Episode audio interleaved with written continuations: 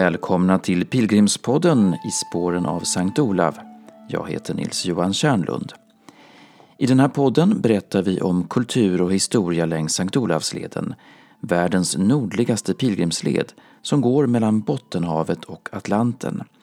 Från Selånger i Medelpad via Jämtland till Trondheim och Nidarosdomen. Och det är just Nidarosdomen, Olav den heliges gravkyrka, som vi nu ska få besöka i två avsnitt. Det här är första delen. Vi ska följa med Ingeborg Collin och Einar Wegge som har stämt möte med Öystein Ekroll, forskare som är ansvarig för Nidarosdomens restaureringsarbeten och som har dokumenterat minsta lilla vrå av den mäktiga katedralen.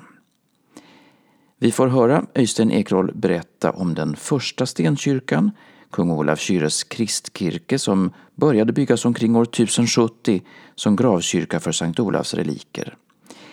Och vi får sen höra hur denna kyrka på 1100-talet byggdes ut till en magnifik katedral, Nidarosdomen, och blev ärkebiskopssäte och Norges nationalhelgedom. Olavskulten utvecklades med påkostad arkitektur och en speciell liturgi med texter och musik. Och här byggdes systematiskt upp en infrastruktur för att ta emot de många pilgrimer som vallfärdade till Sankt Olavs grav. Vissa medeltida pilgrimer har till och med lämnat spår efter sig i form av klotter i kyrkan. Det får vi också höra mer om. Och vi ska börja på en plats utanför Nidarosdomen, på en platå där Olav Haraldssons halvbror, kung Harald Hårdråde, redan på 1000-talet etablerade en kungsgård och en Mariakyrka. Jag lämnar över till Einar Vegge och Ingeborg Collin. Ja, nå står vi ved, mellom Nidaros pilegrimsgård og Nidaros domkirke, og vi har med oss Øystein Ekroll, som har jobba i NDR i mange år, og er altså Nidarosdomens restaureringsarbeider. Du er forsker, Øystein. Ja. Vil du ha noen annen tittel enn det? Nei, det er den fineste tittelen man kan ha. Ja, alle tiders. Ja. Og så har vi også med oss daglig leder for pilegrimsgården, Ingeborg Collin. Ja. Og vi tre skal nå ha en samtale om Nidarosdomen først og fremst. Men når vi står her, Øystein, så står vi jo på et sted som Harald Hardråde etablerte som område for kongsgård. Og så vet vi at etter at Hellig Olav da hadde vært først i Klemenskirka, og så en kirke til, så ble hans kropp tatt opp hit her et sted. Vær så god. Ja, Vi står jo på et lite platå nå rett eh, øst for Nidarosdomen. Og jeg har alltid lurt på hvorfor står ikke Nidarosdomen her? For dette er jo den beste tomta i byen. Her skrår det ned på tre sider. Den vil være absolutt mest synlig her, men den står nå altså der den står. Og det tror jeg er fordi denne plassen var opptatt på 1000-tallet. At det her, var her Harald Hardråde bygde sin Mariakirke. For kongsgården hans den lå jo rett her bak oss, eh, i et belte langs Nidelva. Eh, Rett, faktisk eh, rett under pilegrimsgården. Eh, Vi har ikke funnet noen rester av det, men vi vet at den lå der gjennom hele middelalderen.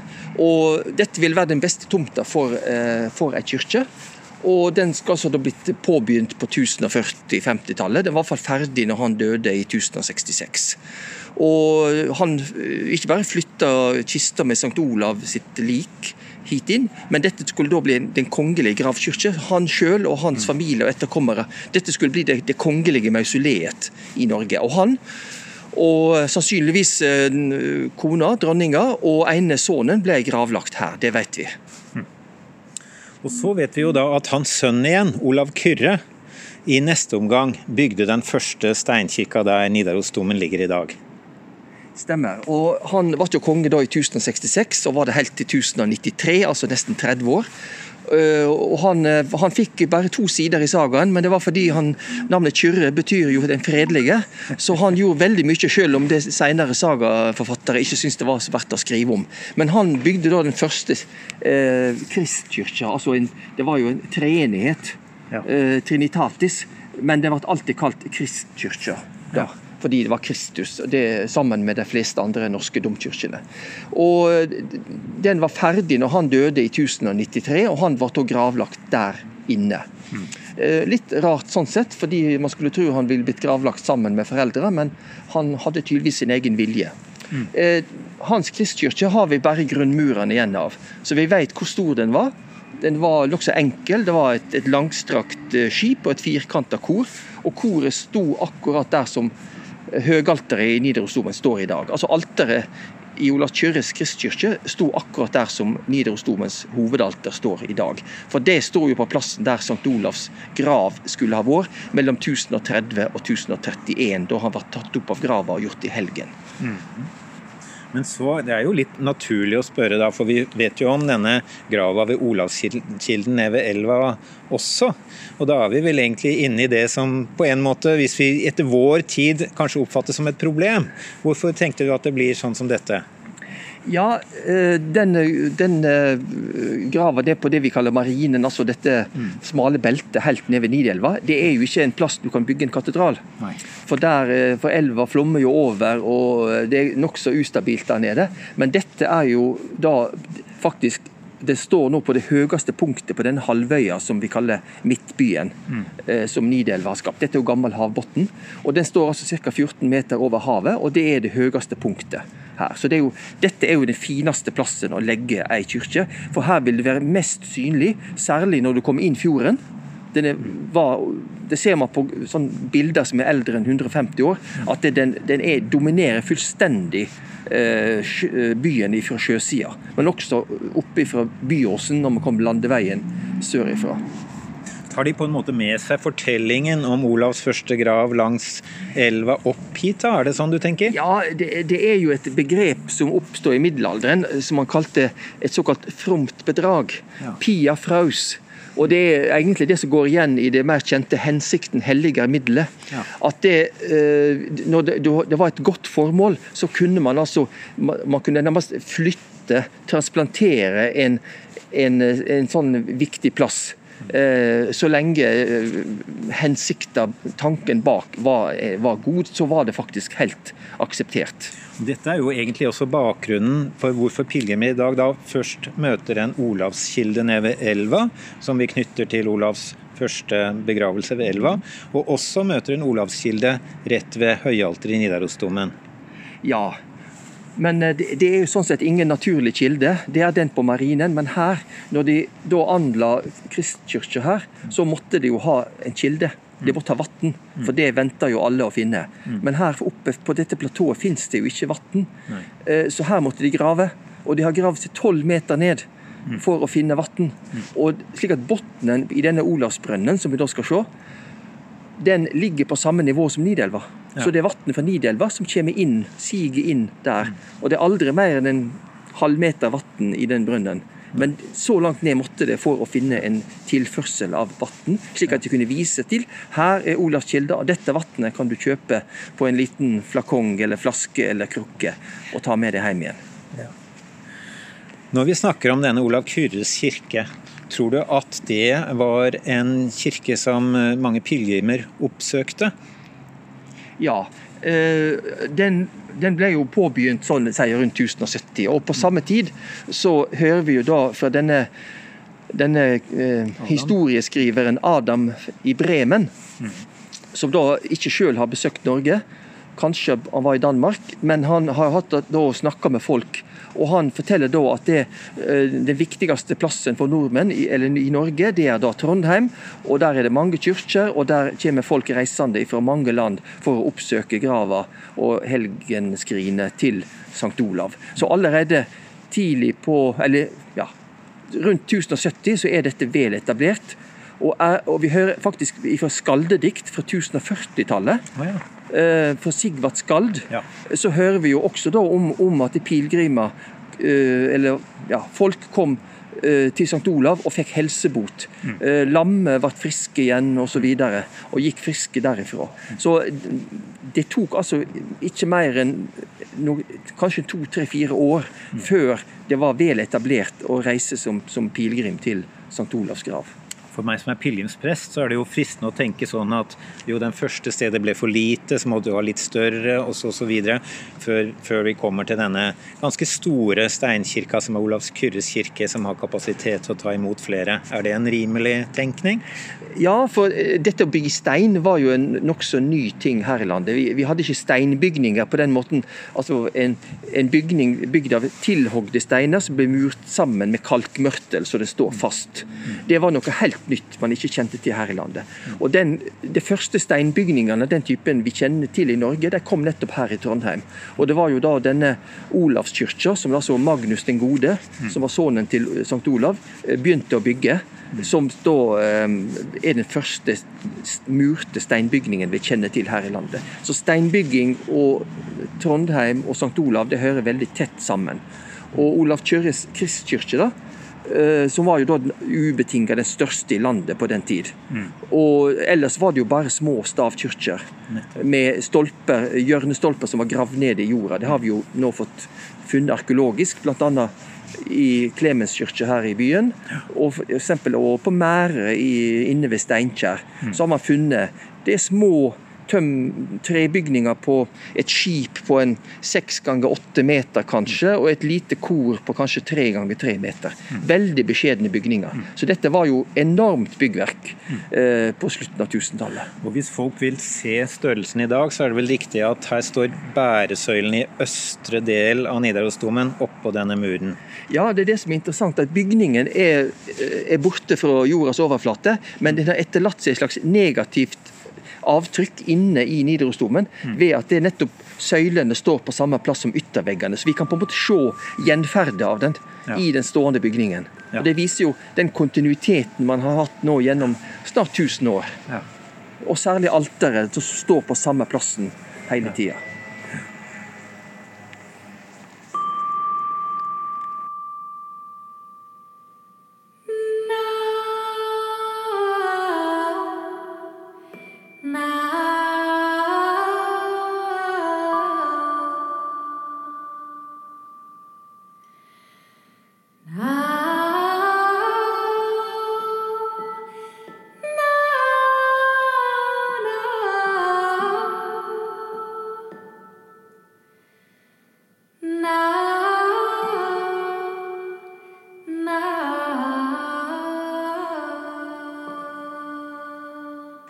Går vi litt nærmere østre del av uh, Nidarosdomen, slik den står i dag.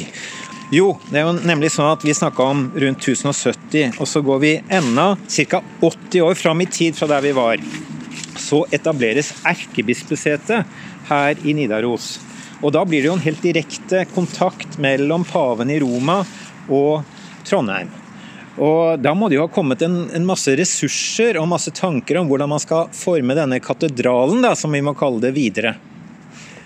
Ja, eh, altså i 1152-53, vi pleier å si, for det var på vinteren, vi vet ikke akkurat før eller etter nyttår, så kom altså den engelskfødte eh, kardinalen Nicholas Breakspear til Trondheim med ferdig mandat fra paven. Han var så utsendt direkte av paven for å opprette to nye erkebispedømmer lengst nord i det vi kan kalle kristenheten.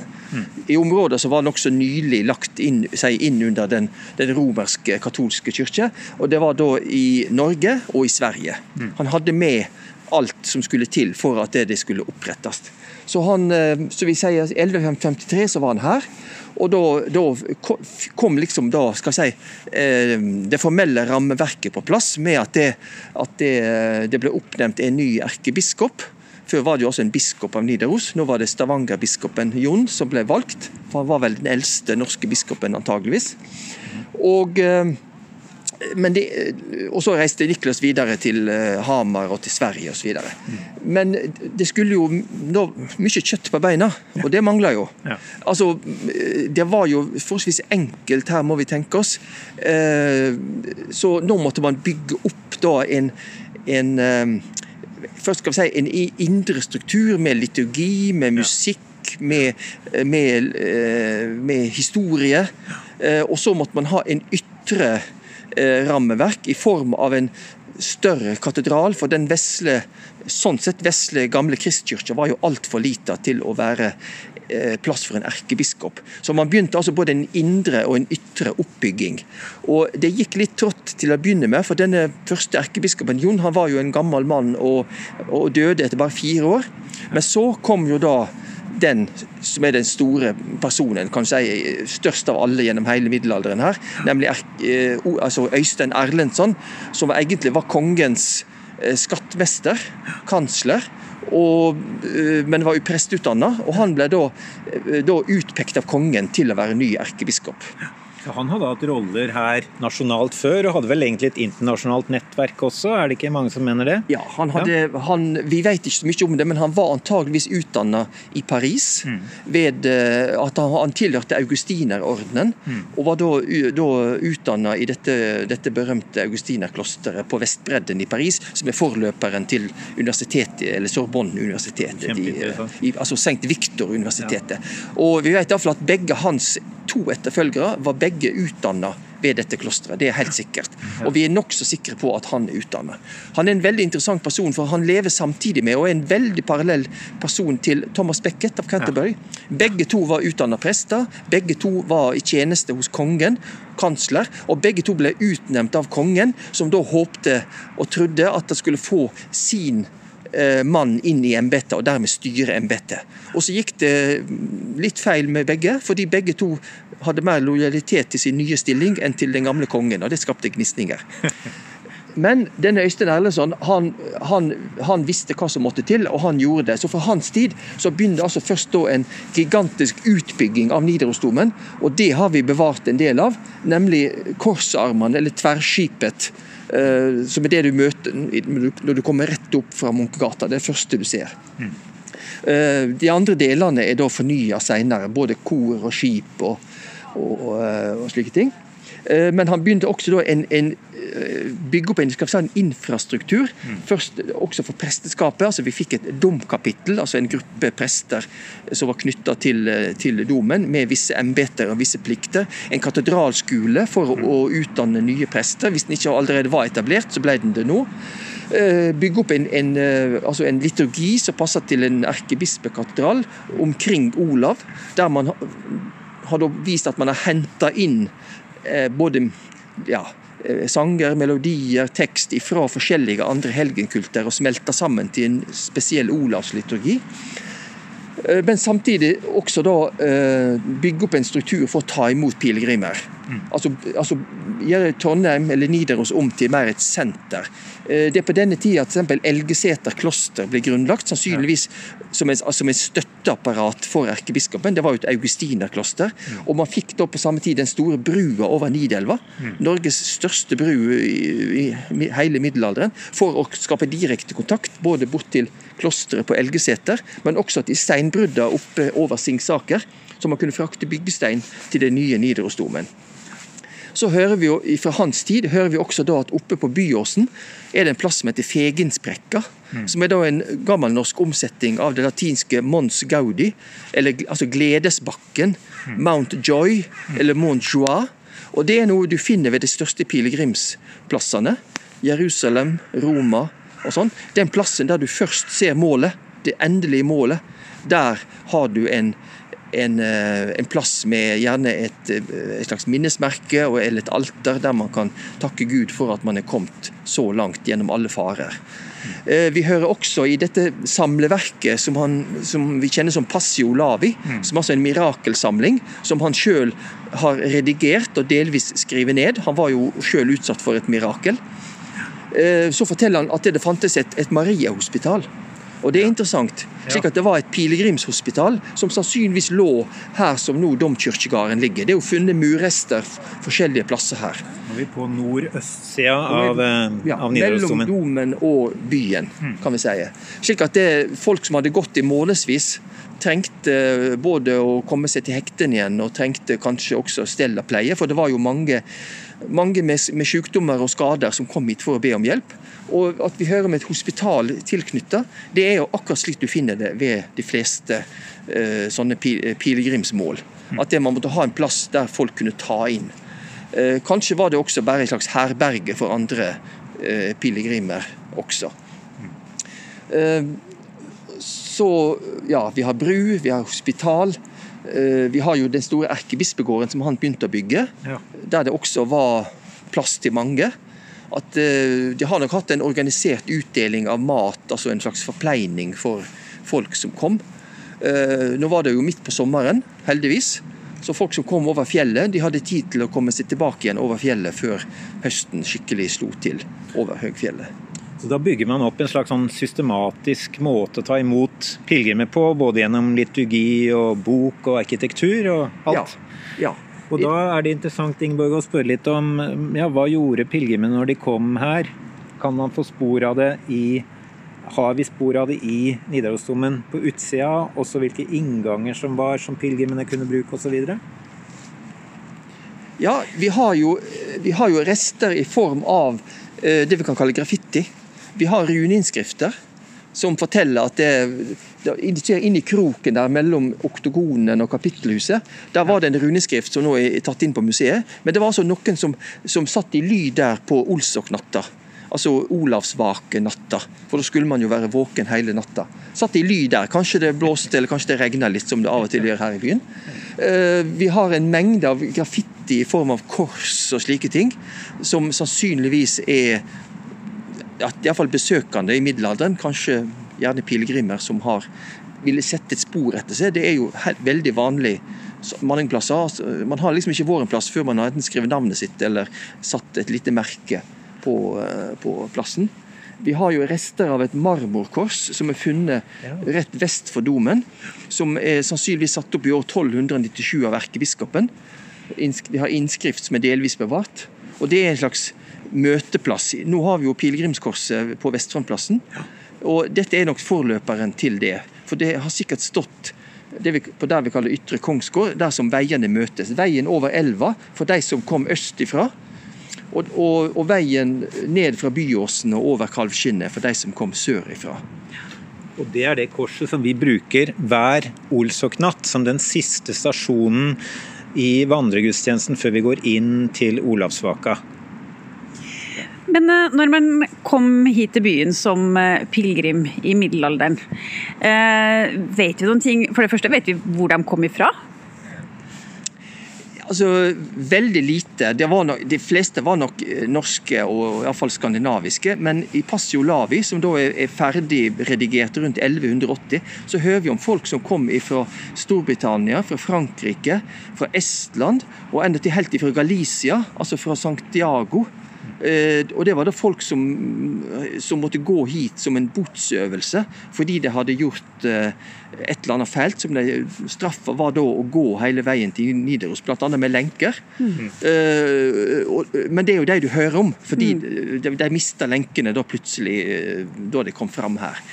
Så det er jo de du, du på en måte Det som hadde skjedd noe med. Alle de som bare kom og var her og dro igjen, det hører du jo nesten ingenting om. Men vi har jo et par såkalte pilegrimspass, altså dokument, offisielle dokumenter som er utstedt til folk som vil gå pilegrimsreise, for å vise at det, dette var skikkelige folk. Vi hører på for kongen på 1200-1300-tallet utsteder jo vernebrev for pilegrimer. Og da er det snakk om både eh, selehus, altså overnattingshus eh, for pilegrimer. Ikke minst fjellstovene over, over eh, Dovrefjell jo, eh, går jo helt tilbake til iallfall 1100-tallet. Altså Hjerkinn, Kongsvoll, Fokstua, Drivstua osv. Mm. Vi hører om at, det, at det, lå, det, var bruer over elver, det var ferjer, båter som lå ved innsjøer, som man kunne, kunne ro eh, over uten å måtte gå rundt hele veien. Altså en veldig skikkelig bygd opp infrastruktur.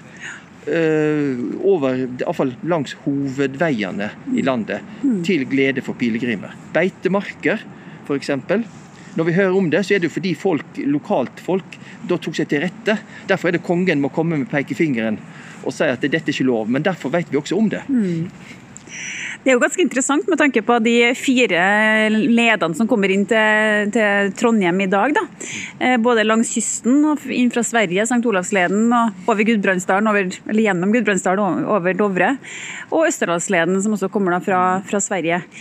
Men når de kom hit, da, eh, fram til katedralen, som, eh, som du sier var et helt, eh, må ha vært et helt spesiell, spesiell opplevelse. Å komme til en steinkirke av den størrelsen, ja. og endelig ha kommet fram. Ja.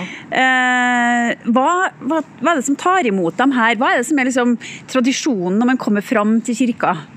Ja, vi må jo tro at Som i dag så var det en slags infrastruktur som tok imot eh, mot pilegrimer. At det var altså noen i domkapitlet sin tjeneste som hadde som ansvar å ta imot og, og hjelpe folk med tak over hodet og kanskje mat og sånt eh, når du kom da denne vandringa her. Mm. Men når du da fikk eh, kreftene igjen og kunne liksom oppsøke selve katedralen, så så vidt vet så, så begynte man med å gå rundt tre ganger Eh, eh, medsols. Mm. Eller clockwise, som det heter nå for tida.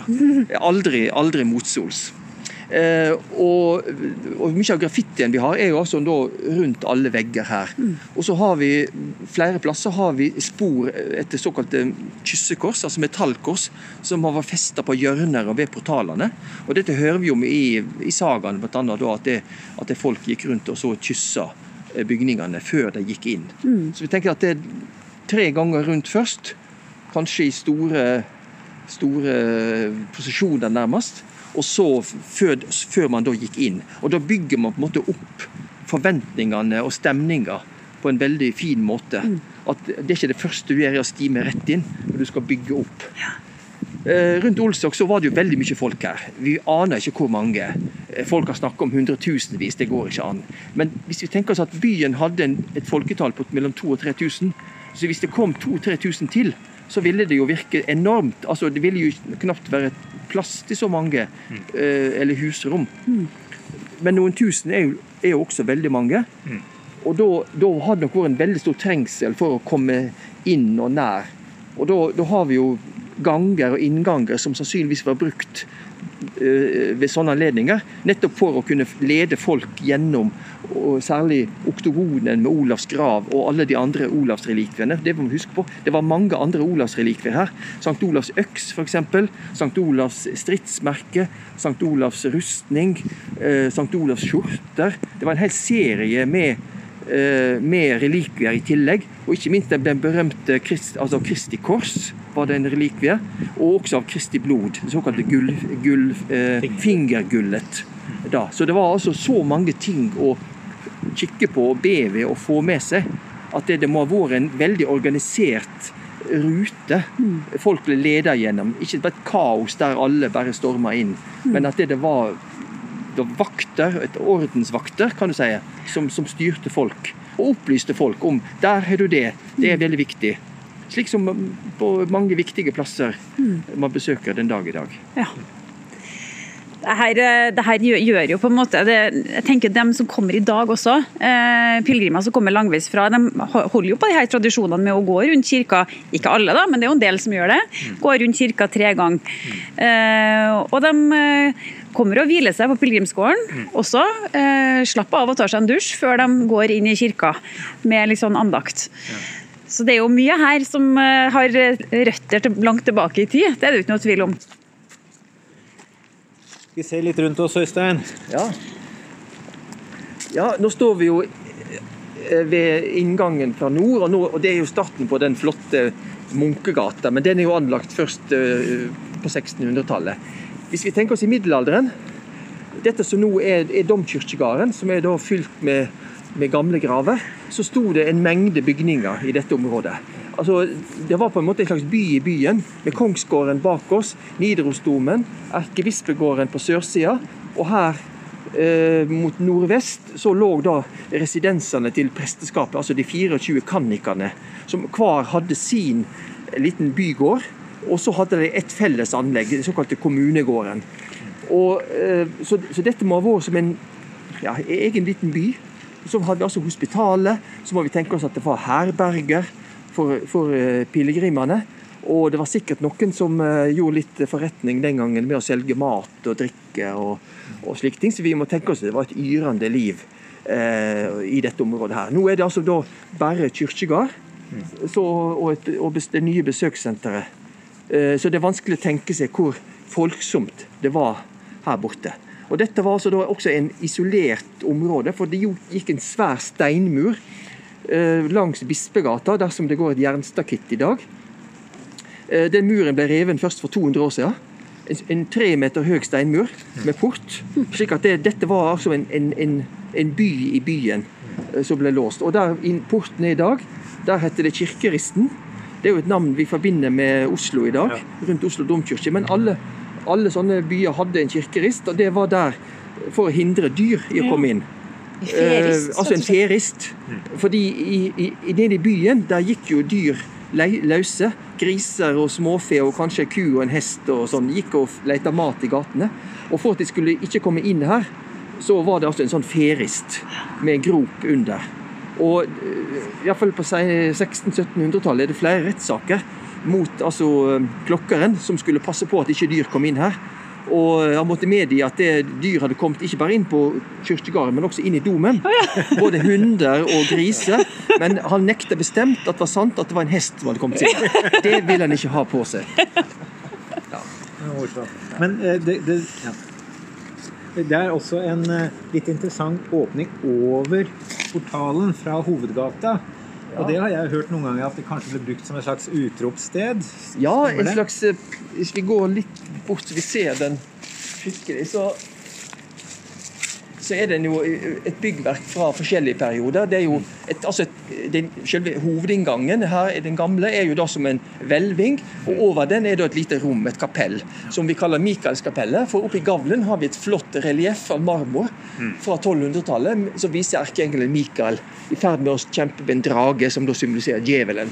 Sole-Mikkjel på norrønt. Ja, sant. Sole-Mikkjel, eller Mikaels sjeleveier. Eh, men den store vindusåpningen, eller skal vi kalle det under, da. Nå er det jo dekt av eh, to fint malte vinduslemmer av tre.